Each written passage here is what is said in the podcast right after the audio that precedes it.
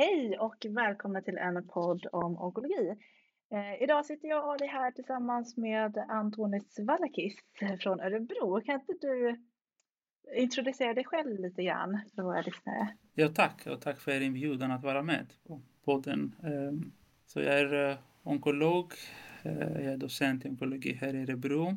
Jobbar mycket med bröstcancer men även med melanom, både alltså kliniskt och med forskning Eh, så jag kan eh, kalla mig som en bröstonkolog i första hand och melanomonkolog i andra hand. Eh, precis, och idag har vi ju tänkt avhandla ämnet bröstcancer. Och eftersom det är ett ganska stort område så tänkte vi faktiskt att vi kommer att dela upp det i två avsnitt. Så att vi har kört en första del med lite introduktion och lokaliserad sjukdom och sen har vi ett till avsnitt med metastaserad sjukdom. Eh, så att vi tänkte att vi kör igång. Vi är jätteglada att ha dig här. Tack. Jättekul. Men jag tänkte vi börja med lite grann epidemiologi. Det är en vanlig diagnos bröstcancer. Eh, kan du berätta hur många är det som drabbas per år eh, och hur, hur gamla är patienterna? Det är ungefär 9000 per år i Sverige som drabbas av bröstcancer med tendens för en ökning kan man säga med år. Och ehm, det är en sjukdom som har en ganska stor spann när det gäller alltså vilka åldrar man kan förvänta sig. Men som, som de flesta typer av cancer då är det alltså oftare hos lite äldre patienter. Så man skulle säga att det är mellan 60 och 70 år som är vanligare kan man säga. Men sen finns det en spann som sträcker sig från yngre patienter till äldre. Och du säger att det ökar. Varför, varför verkar det ha en tendens till att öka? Är det för att vi upptäcker fler eller är det att fler blir sjuka?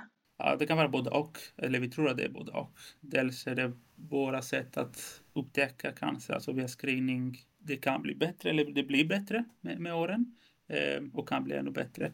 Eh, och sen, sen finns det också en eh, ett trend att det ökar generellt kan man säga. Det finns flera, flera fall kan man säga. Och då Antonis, om, om man ser ålder som en riskfaktor, finns det några andra riskfaktorer man känner till för att eh, vad gäller insjuknande i bröstcancer. Mm, precis, ålder är den som är starkt kopplad kan man säga med många typer av cancer förstås, inklusive bröstcancer. Sen finns det också på bröstcancer för vissa patienter en tydlig ärftlighetsbakgrund. Ehm, det finns två gener som sticker ut kan man säga, BRCA1 och 2. Det är patienter som har dessa, eller kvinnor som har dessa gener har en ganska så förhöjd risk för, för eh, bröstcancer. Eh, under livstid. Eh, sen finns det andra gener som är mindre. De ger en ekatrisk men inte lika stor som BRCA1 och 2. Utöver alltså ärftlighetsfaktorer då finns det också faktorer som har att göra med eh, kan man säga, som kallas för reproduktiva faktorer. Faktorer som har att göra med en eh, ett tidigt menarké, en sen menopaus, att man inte har barn under, under eh, Ehm, eh, livet och sånt, så, som har att göra med exponering till estrogener i kroppen, som en stor del av bröstcancer är estrogenberoende då. Andra faktorer är också exogena, alltså estrogener, alltså att man tar estrogener utifrån. Eh, det har varit en mycket diskussion om eh, det som kallas för hormone replacement therapy, alltså estrogener som man ger för kvinnor som kommer i tidig klimakterie Eh, Eh, det finns en koppling till en ekatrisk för bröstcancer. Eh, kopplingen är ganska starkt korrelerad till hur många år man har hållit på med dessa mediciner. Eh, så håller man sig på enstaka år som en rekommendation, då är risken, den ökade risken är liten eller kanske noll, minimal. Men blir det en lång tid, då kan det bli en ökad risk. Då. Så det får man också fundera på. Eh, och sen finns det också livstidsfaktorer som, som kanske spelar roll. Eh, vi, vi vet att bröstcancer är vanligare hos, alltså, eh, i, i, regio, i geografiska regioner där det är då väst, västvärlden kan man säga. Um, och det har säkert att göra med alltså miljöfaktorer och livstidsfaktorer. Övervikt till exempel är en riskfaktor kopplat eh, för alltså överviktighet i, hos postmenopausala kvinnor. Um, Alkohol har också kopplats um, ehm, lite grann. Inte så mycket rökning. Det, rökning är dåligt för andra saker, kanske inte så mycket för bröstcancer. Um, så dessa faktorer spelar också roll. Eh, jag tänkte på det här med eh, genetiska faktorer.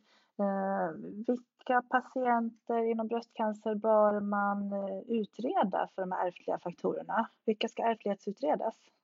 Precis, det är en bra fråga. Alltså vi, vi, är, alltså vi har en del gränser som har att göra med, eller en del eh, kriterier som har att göra med hur det ser ut i släkten, vilken, alltså vilken eh, ålder en kvinna i släkten som har haft bröstcancer hade när hon fick diagnosen, om det finns en manlig bröstcancer, om det finns andra typer av cancer som kan vara kopplade till bröstcancer som till exempel ovarialcancer. Eh, så det som har spelar roll är hur många som finns i släkten med dessa diagnoser, i vilken ålder också. Problemet är att det sättet vi har, alltså med dessa kriterier, de, det fångar en del, men inte alla. Så vårt sätt vi har nu att fånga kvinnor som har en förhöjd risk för bröstcancer på grund av ärftlighet, den är inte optimalt. Eh, och det finns mer och mer som tänker att man, man behöver kanske på alla patienter som får bröstcancer göra en genetisk utredning eftersom det kommer att hjälpa de som är runt omkring, alltså i, i, i familjen. Eh, och göra en alltså, alltså göra beslut utifrån, utifrån den utredningen. Men än så länge är vi inte där kan man säga. Än så länge är det så att, att det finns kriterier som baseras på många som finns i släkten med bröstcancer eller ovarialcancer och eh, i vilken ålder de fick. Mm. Och ehm, eh, hur, hur, hur, många, hur stor andel av patienterna som man utreder, hur vanligt är det att det är ärftlig komponent i bröstcancer? Alltså, av de, vi, av de som får en bröstcancer, då är det ungefär, ungefär 10 procent som vi hittar en alltså ärftlighetskoppling kan man säga. 5 till 10. Och det blir så här att det är många som vi ser att det finns en, när man tittar bara på släktträden, då ser man att det här måste finnas något. Sen kan man inte hitta något när man undersöker, alltså när man gör en genetisk utredning. Och det har säkert att göra med att vi, vi har lokaliserat några gener och genetiska förändringar som, som är kopplade, men vi, det är långt ifrån att vi har hela kunskapen för den. Men eh, finns det, om man säger att man hittar en, en tydlig liksom ärftlig komponent, finns det eh, etablerade liksom kontrollprogram för de som har en sådan? Eller för jag tänker att det, någon poäng eller vits med att utreda och hitta någonting. Precis. Alltså för BRCA 1 och 2, som är de som sticker ut eftersom dels är de i, i den sammanhanget relativt vanliga eh, när man har en ärftlighetsbakgrund och dels på grund av att de är så mycket kopplade till en ekatrisk bröstcancer. Ja, för dessa två finns det tydlig, alltså tydligt, tydliga rutiner hur man ska göra. Eh, vilket innebär att kvinnor som har en sån här mutation, de ska då börja sina kontroller från som fem år. Kontroller ska innehålla eh, mammografi, ultraljud, magnetkamera. Eh, man kommer ha den, alltså man kommer behöva ha dessa kontroller årligen. Eh, och övre gräns på när man ska sluta, den, den går att diskutera kan man säga. Eh, beroende förstås på patienten i övrigt kan man säga. Och samhörigheten och förväntad överlevnad. Och sen finns det också alltid möjlighet till riskreducerande kirurgi då. Så de kvinnorna kommer man att behöva prata om möjlighet till att man gör då en riskreducerande eh, mastektomi då bilateral för att minska risken. Det som är viktigt här att tänka är att dessa två alternativ kan man säga, kontroller versus operation, de syftar på lite olika saker. Väljer man kontroller, då, då väljer man att ha då en kontroll för att man ska hitta tidigt en cancer och kunna behandla. Väljer man en operation, då väljer man närmare att förebygga en, en bröstcancer. Det är två olika strategier. Eh, för de patienterna också ingår en, en kontroll när det gäller, eller alltså man måste tänka hur man ska göra med risken för eh, ovarial cancer också, som är kopplad till båda gener. Och då är kontroller inte så bra eftersom ovarial cancer det är inte så lätt att kunna upptäcka tidigt, eh, även om man har kontroller. Så på de patienterna är rekommendationen i första hand riskreducerad operation eh, när de är färdiga med familjen. Och jag tänker lite Eh, med diagnostik eh, då, vi har varit lite inne på, på, på det spåret, men, men hur, eh, hur diagnostiserar man bröstcancern? Och ehm, om man tänker sig vad vi behöver som onkologer på en MDK-konferens för att kunna ta beslut, vad är det vi behöver för undersökningar och resultat? Precis. Ehm, alltså i Sverige, när det finns en, en screeningprogram som är då väl etablerat, Eh, kvinnor blir kallade från 40 år till 74 vartannat år ehm, för, för sina kontroller mammografi. Då är det två tredjedelar av patienter som fångas via screening då. Och en tredjedel är kliniskt upptäckt cancer. Alltså att man, alltså patienten undersöker eh, brösten eh, som har en knöl man säker, eller att det finns något annat som gör att man säker, alltså en, vad kan man säga, att, att det blir en, um, från bröstvårtan, alltså blodinnehåll eh, uh, och så vidare. Uh, men två tredjedelar kommer via, via screening. Oavsett hur man kommer in i vården med misstanke om bröstcancer, då gör man det som kallas för trippeldiagnostik som är då centralt inom, inom bröst, bröstdiagnostik. Och då innebär det att man har en palpation, man har en bilddiagnostik som oftast då är det mammografi plus ett ultraljud. Men man kan lägga till magnetkamera om det är så att man behöver göra detta. Eller andra metoder som finns. Och en biopsi. Och det, alltså det gäller alla diagnoser, alla, alla cancerdiagnoser, att man måste ha en biopsi för att ställa diagnos. Då. Och då är det så att tidigare hade man en del cytologier också, cytologiska undersökningar. Nu har vi gått över i princip nästan helt till Eh, till eh, mellanårsbiopsier, alltså större biopsier, där man kan analysera. Eh, vi gör fortfarande histologiska undersökningar, eller cytologiska undersökningar om det är limkärtlar som vi är, är tveksamma till. Så man gör det trippeldiagnostiken, eh, man tar sin biopsi och sen, sen alltså har man hittat eller inte hittat en cancer, men då måste man diskutera på en MDK för att man ska kunna bedöma hur man går vidare. Och MDK, för att man ska då kunna ta ett beslut, då måste man eh, veta dels den anatomiska eh, stadieindelningen, alltså tumörstorlek, om det finns limkörtlar som är misstänkta. Sen måste man ha biopsisvar som bekräftar malignitet, inklusive svar utifrån analysen som kommer att hjälpa oss att välja en behandling. Eh, att titta på immunostokemiska markörer som östrogenreceptorer, progesteronreceptorer, HER2, eh, K67, alltså proliferation. Så den informationen. Sen kommer vi också att behöva ha information om själva patienten på ett eller annat sätt. Ålder förstås, samsjuklighet och så vidare. Så de aspekterna är viktiga för att man ska kunna ta ett beslut. Och när man går vidare då och har eh, fått diagnosen att det är en bröstcancer eh, och som man har hittat, vilka patienter genomgår mastektomi och vilka genomgår bröstbevarande kirurgi? Ehm, hur, hur tänker man kring det? Jo, alltså det, det här att göra med alltså volymen av tumören i relation till volymen av bröstet. Så det finns ingen gräns kan man säga. Det finns ingen gräns när det gäller storlek kan man säga. Om man tänker på en diameter så här. Eh, eftersom bröst ser olika ut på varje patient och det är då det här relation med volymen av tumören och volymen av bröstet som avgör i första hand den tekniska delen. Eh, sen finns det också den delen som har att göra med, med patienten, vad patienten vill eh, som man måste tänka på. Och då behöver vi ha patienter som har fått bra information om vilka alternativ som finns. Det är väldigt vanligt om det är så att man informerar en patient som har en bröstcancer att, um, nu är det, jag är inte kirurg så det är så att det här är från alltså erfarenhet från kirurgen som jag pratar med. Men, men det, det vanligaste som, man, som reaktion är att ja, men ta bort allt, ta bort hela bröstet.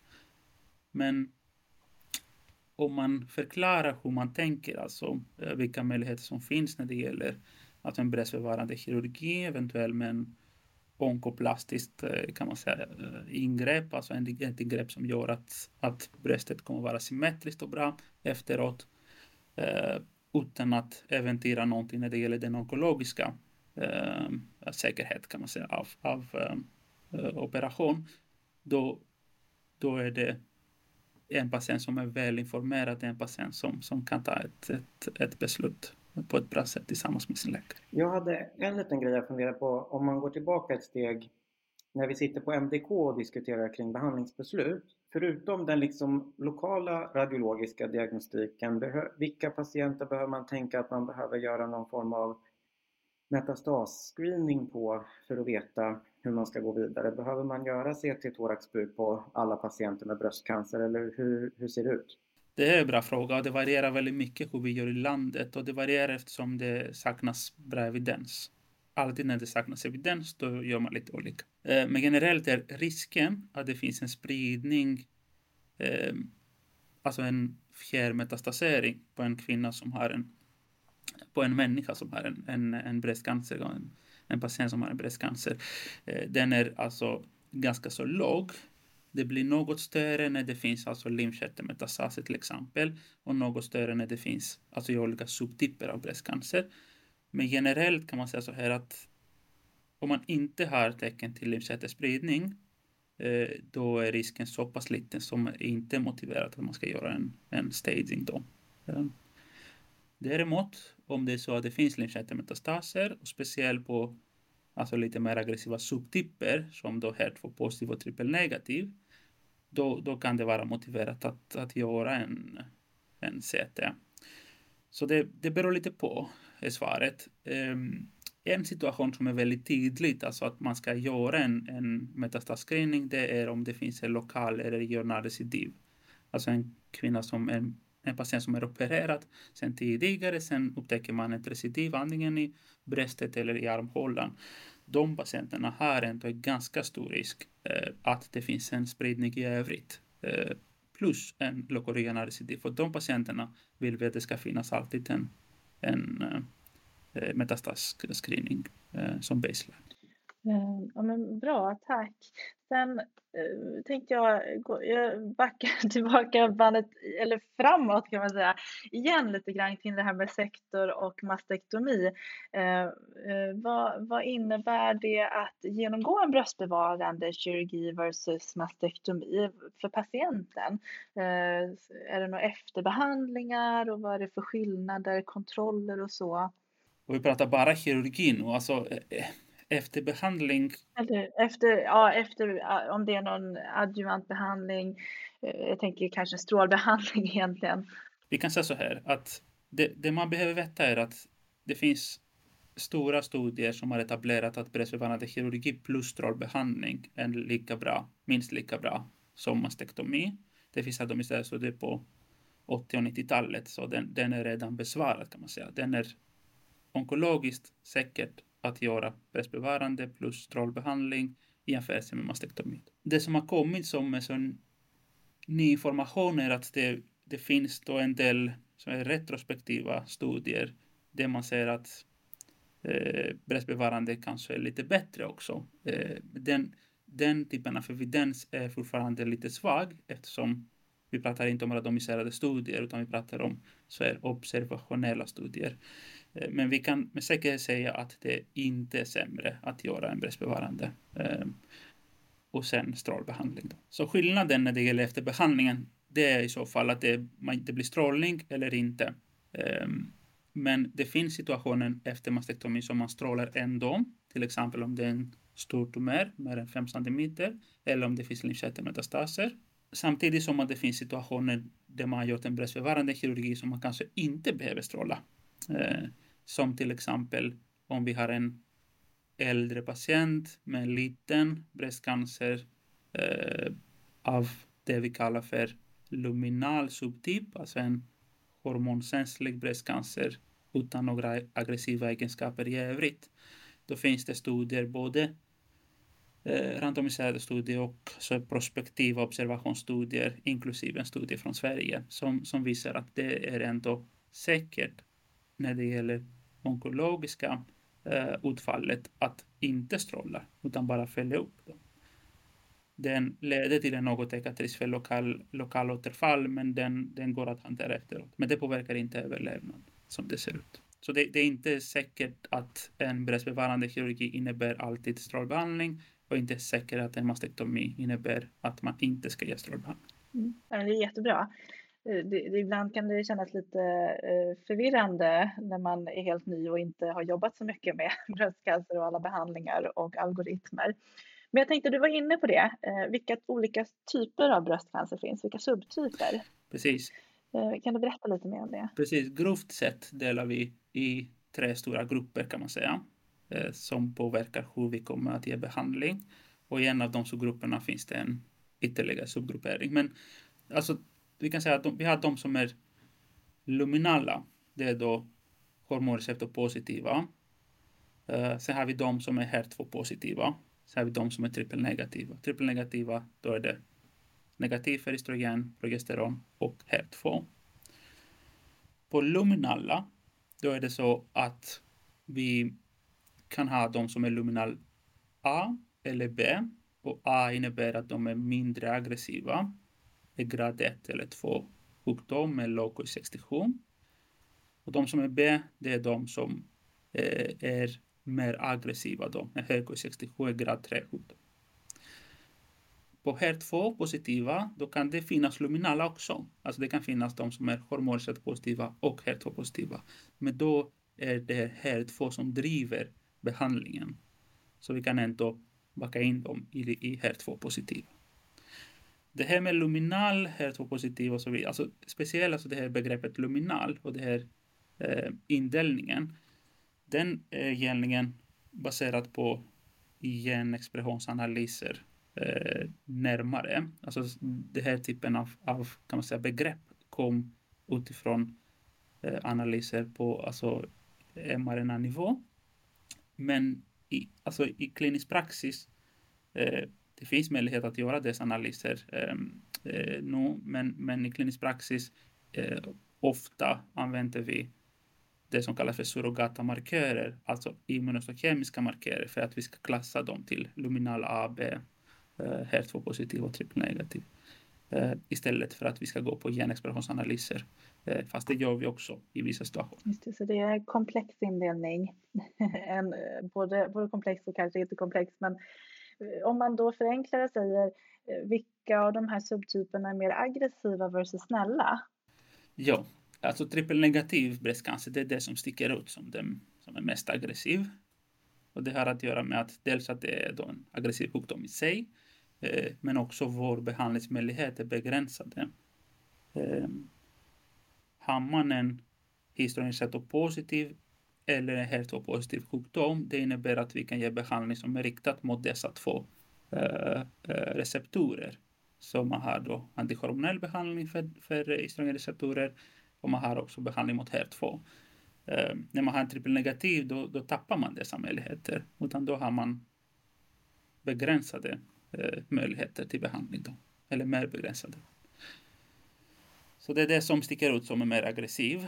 Um, Sen HER2-positiva, de som behandlas adekvat, vi vet att det går väldigt bra för de patienterna. Så, de, så länge man behandlar bra en HER2-positiv bröstcancer, då är det inte längre en sjukdom som påverkar prognosen.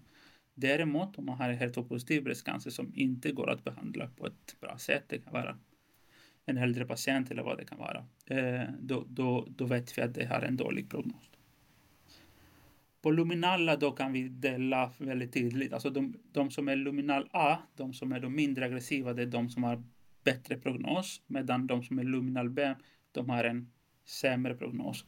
Men den prognosen av luminal B, den är inte som trippelnegativa. Det är fortfarande bra prognos, men sämre än luminal A. Ja, men bra. Du har kommit in lite grann på behandling. Jag tänker mig när man har en eh, kurativ eh, syftande behandling, man har opererat. Eh, vilka patienter ska ha adjuvant behandling? Ska alla bröstcancerpatienter ha någon typ av adjuvant behandling eller är det några som inte ska ha? Det behöver inte att alla ska ha adjuvant behandling. Det är ganska ofta som, som de får någon sorts behandling, men det är inte alla. Och hur mycket av den behandlingen eller vilka olika behandlingar har mycket att göra med alltså staging vi har och ehm, eh, de här alltså indelningen till luminal och trippelnegativ och så vidare. Och det har också att göra med alltså patienter, patientens preferenser eh, och eh, allmänt tillstånd, eh, samsjuklighet och så vidare. Men generellt kan vi säga så här att våra, våra möjligheter ehm, eller alltså, för att vi ska prata om möjligheter då måste vi prata om separata, alltså luminal, HER2-positiv och trippelnegativ som det, det går lite olika, det är olika algoritmer kan man säga. Men om vi tar luminala tumörer, eh, de är då de som är eh, hormonreceptorpositiva, då är det så att vår, vår alternativ när det gäller behandling, det är att vi kan ge eh, cytostatika, vi har antihormonell behandling, Eh, sen har vi strålbehandling, det har vi för alla egentligen eh, subtyper. Eh, och sen har vi också eh, för vissa patienter kan vara aktuella för antiresorptiv behandling som då Celedronsyra. Eh, och sen har vi då också eh, nyligen, alltså en ny möjlighet med CDK4-6-hämmare eh, på de som har hög risk. Och hur vi väljer behandling utifrån allt det här, det har att göra med som sagt de här aspekterna som vi måste tänka på. Är det ju mer aggressiv en sjukdom är, desto fler behandlingar kommer att bli. Ehm, en mindre aggressiv sjukdom, då kommer det inte att kräva så mycket behandling. Så om, om vi börjar och säger att cytostatika, hur vi skulle tänka, då är det så att cytostatika för en luminal sjukdom, det blir aktuellt för patienter som har en närmare luminal B-sjukdom, en mer aggressiv sjukdom. Och samtidigt har de en lite större tumör plus minus slimkörtlar. Det behöver inte alltid finnas slimkörtlar, men om det finns då är det också en riskfaktor som måste räknas. Och då ger man cytostatika. Cytostatika alltså inom bröstonkologi det kan man välja om man vill ge dem innan eller efter operation.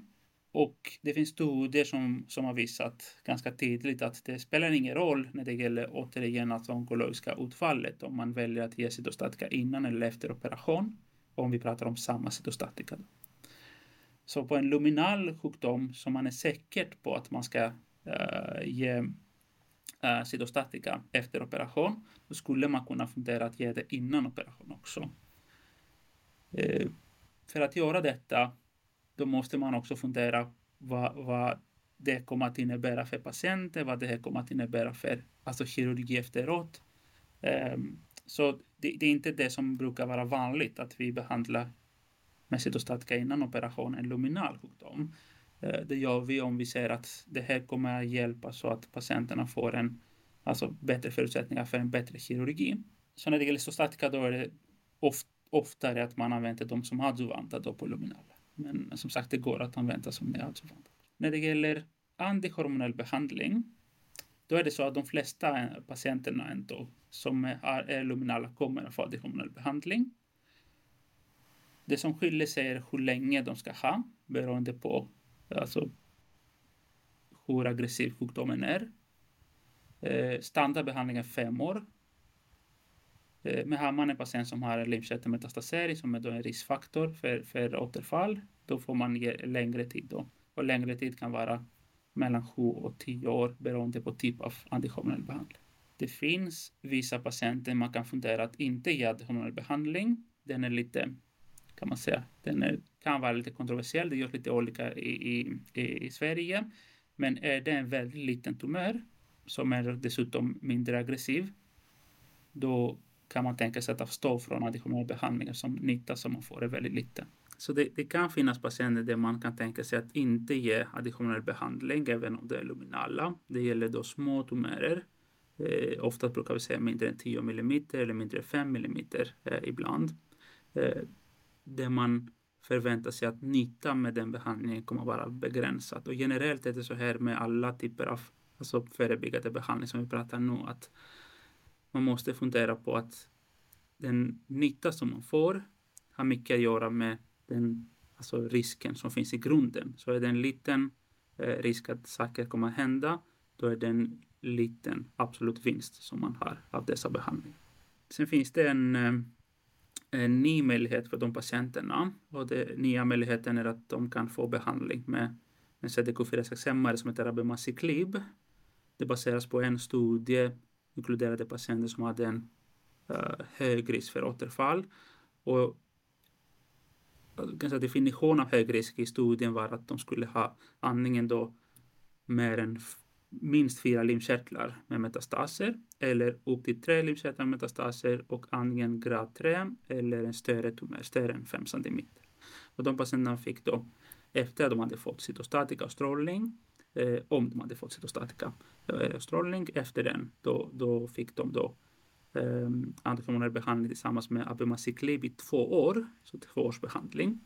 Eh, och det visade sig vara till fördel, alltså minskad risk för, för eh, återfall. Så den behandlingen är godkänd och, och, och eh, används nu i Sverige kan man säga.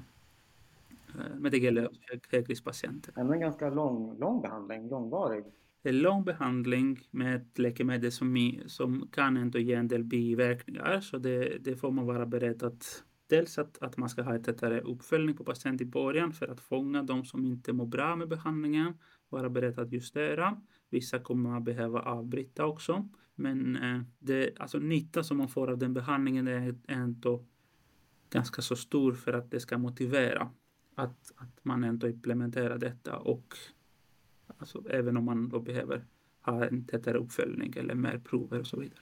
Vad, vad är det för biverkningar man pratar om? Där, de vanligaste som vi behöver ha koll på? Precis, det vanligaste, det som sticker ut kan man säga med den behandlingen, det är diarréer. Och det är ganska så vanligt eh, och eh, det kan vara ganska så jobbigt också för en frisk människa då, eh, att ha diarréer.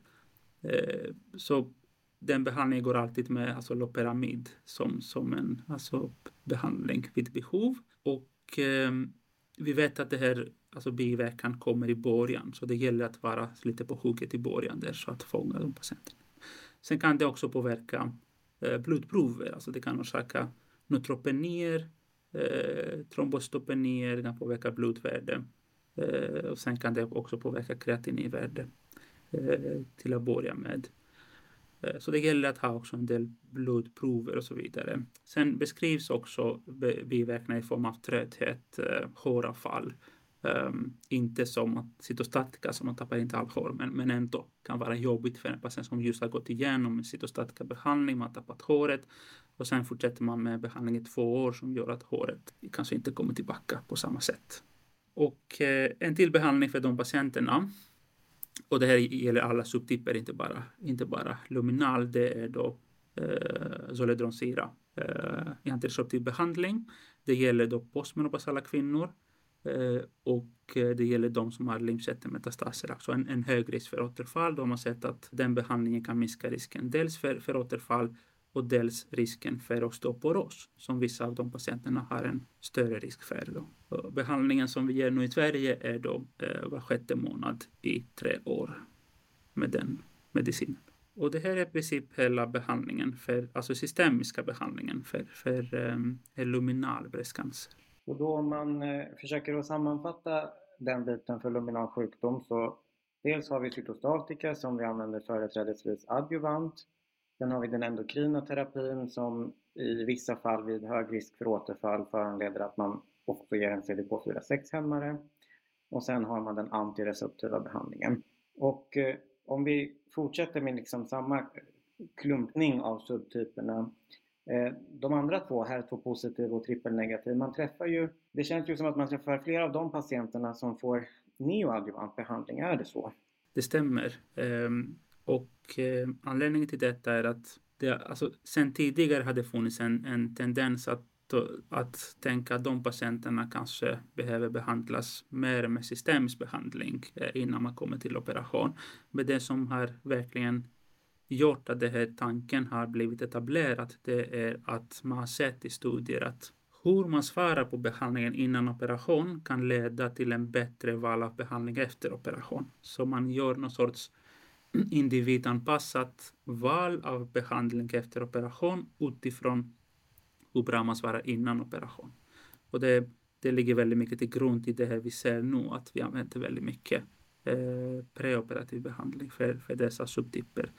Om vi tar HER2-positiv till exempel, de patienterna eh, kommer i princip att behöva ha eh, cytostatika tillsammans med medicinering mot HER2 Eh, och det som är standard är trastuzumab. Då. Eh, och från principen vi såg förut att en adjuvant behandling kan användas som neoadjuvant, det skulle man kunna då flytta den behandlingen till neoadjuvant rakt av. Eh, det, det, är inte många patienter med en HER2-positiv bröstcancer som inte ska ha den behandlingen kan man säga. Det måste vara antingen en väldigt, väldigt liten bröstcancer eller en patient som inte skulle tåla en sån behandling. Och då såg vi att alltså det som har varit som en standardbehandling på de patienterna eh, det är då en kombination av cytostatika tillsammans med trastuzumab och en till antikropp som heter pertuzumab. Båda har som mål att blockera HER2 men de gör det på två olika sätt kan man säga. Så de har en synergisk effekt. Och då har man sett att om man ger den behandlingen innan operation och sen kommer man till operationen och då ser man att man har svarat väldigt bra på behandlingen. Så all, all cancer har försvunnit, man har fått det som kallas för patologisk komplett respons. Då räcker det med att fortsätta med bara trastuzumab efter operation. Alltså ingen mer cytostatika, inget annat. Uh, utan bara trastuzumab som en monoterapi efter operation. Eh, med eventuellt tillägg av antihormonell behandling utifrån samma principen vi såg förut för, för, ehm, för luminal, som vi sa att HER2-positiv kan också vara luminal. Medan om det är så att vi ger den här behandlingen innan operation och sen säger vi att det inte blev en patologisk komplett eh, respons utan det fanns cancercellerna som överlevde hela den här behandlingen. Då är patienten aktuella för en behandling som heter TDMET, trastuzumab emtansin, en antikroppskonjugat där vi har emtansin som är då cytostatikum, en mikrotubulinhämmare som är kopplat till en molekyl av uh, trastuzumab. Och då är det då ett sätt att få in, kan man säga, i cancerceller eh, emtansinen eh, för att det ska fungera intracellulärt. Och det har man då sett i en eh, alltså, pivotal studie som ligger till grund till den här principen att på de patienter som inte svarar med komplett respons, då är det, det tidiga mätt. Alltså trastuzumab emtasin är mycket bättre eh, alternativ än eh, bara trastuzumab. Tack så jättemycket för en eh, väldigt bra sammanfattning av olika behandlingsalternativ eh, vid en lokal avancerad sjukdom. Eh, du, det, det, har gått, det har varit så trevligt att prata så att tiden går ju. Jag vill bara ställa en, en sista fråga för att det är ju ganska många patienter som är relativt unga, kanske några som önskar bli gravida under adjuvant antihormonell behandling. Hur ska man tänka där? En antihormonell behandling kan ju pågå ibland om man är förlängt den, ibland kan det pågå i tio år. Hur, hur ska man tänka när vi har sådana patienter som man önskar när man ska bli gravid? Mm. Det är en väldigt bra fråga. Eh det man, man får fundera på är att man kan inte alltså börja försöka bli gravid och man kan inte vara gravid under tiden man håller på med sådana mediciner eh, eftersom eh, antihormonell behandling är en, en teratogen behandling. De, de patienterna brukar stå på tamoxifen så man, man ska inte ha sådana behandlingar då under tiden. Och eh, det vi har gjort alltså traditionellt är att man, man har gjort uppehåll. Alltså man, man vill göra uppehåll som ska vara några månader innan man ens börjar med, med alltså försök att bli gravid och sen under graviditeten och sen eh, också en del under amningen om det är så att de vill amma.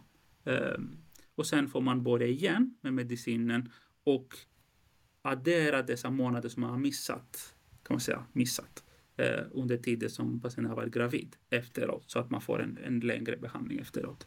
Och det, det har varit en så pragmatiskt sätt att hantera detta utan att vi har så mycket evidens på den.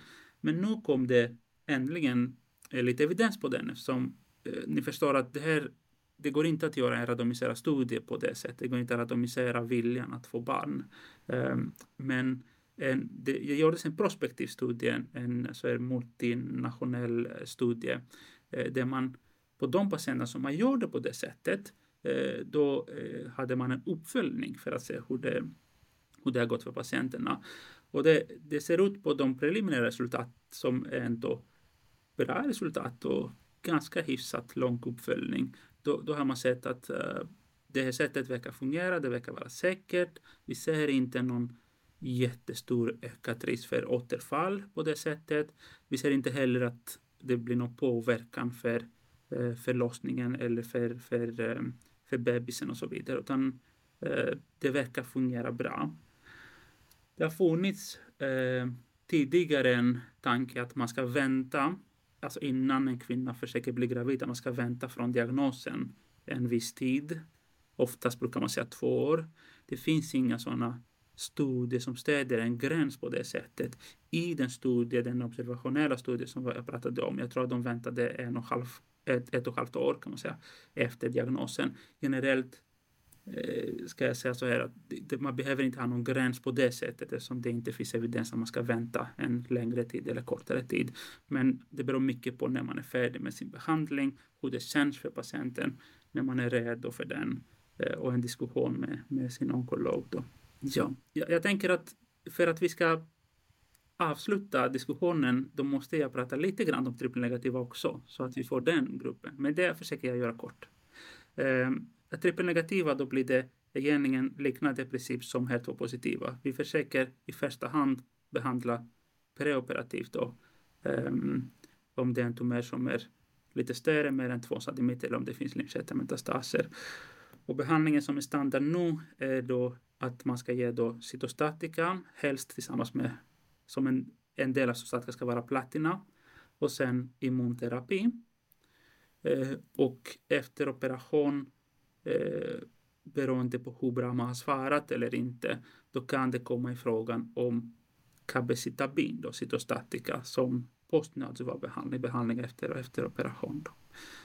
Eh, men det som är nytt kan man säga i den här eh, subtypen, det är möjligheten att ge eh, immunterapi då på de patienterna för att öka eh, chansen till komplett respons och öka eh, överlevnad också. Hur stor andel patienter får komplett respons på eh, de här behandlingarna? Det beror lite på, eh, om, om vi pratar på HER2-positiva och trippelnegativa, då är det, då är det mer än 50 procent. Eh, kan bli närmare 60 procent av patienter blir får en komplett respons. På luminala, om man tänker en luminal som vi ger eh, behandling innan operation, eh, då, då är det den sannolikheten ganska låg. Jag skulle säga att det är 10 procent max. Eh, det har att göra med hur, eh, hur aggressiv en sjukdom är och vad man förväntar sig att det kan, man kan uppnå med en, en onkologisk behandling. Det är väldigt spännande. Det är många olika faktorer att väga in i sitt behandlingsbeslut. Mm. Det är därför är det spännande med brestonkologi också. ja, det är jättespännande. Det blir mer och mer avancerat så att eh, vi får nog, vi skulle kunna sitta och prata jättelänge. Så tack så jättemycket för eh, den här sammanfattningen och också för att du påminde mig om att vi behövde ta upp trippelnegativ också. Bra, vi har ju ett till avsnitt om bröstcancer eh, så jag tänker att vi rundar av det här avsnittet och säger hej då för den här gången och tack så jättemycket Antonis. Tack så mycket. Tack. Tack. Hej då. Hej då, hej då. Hej då.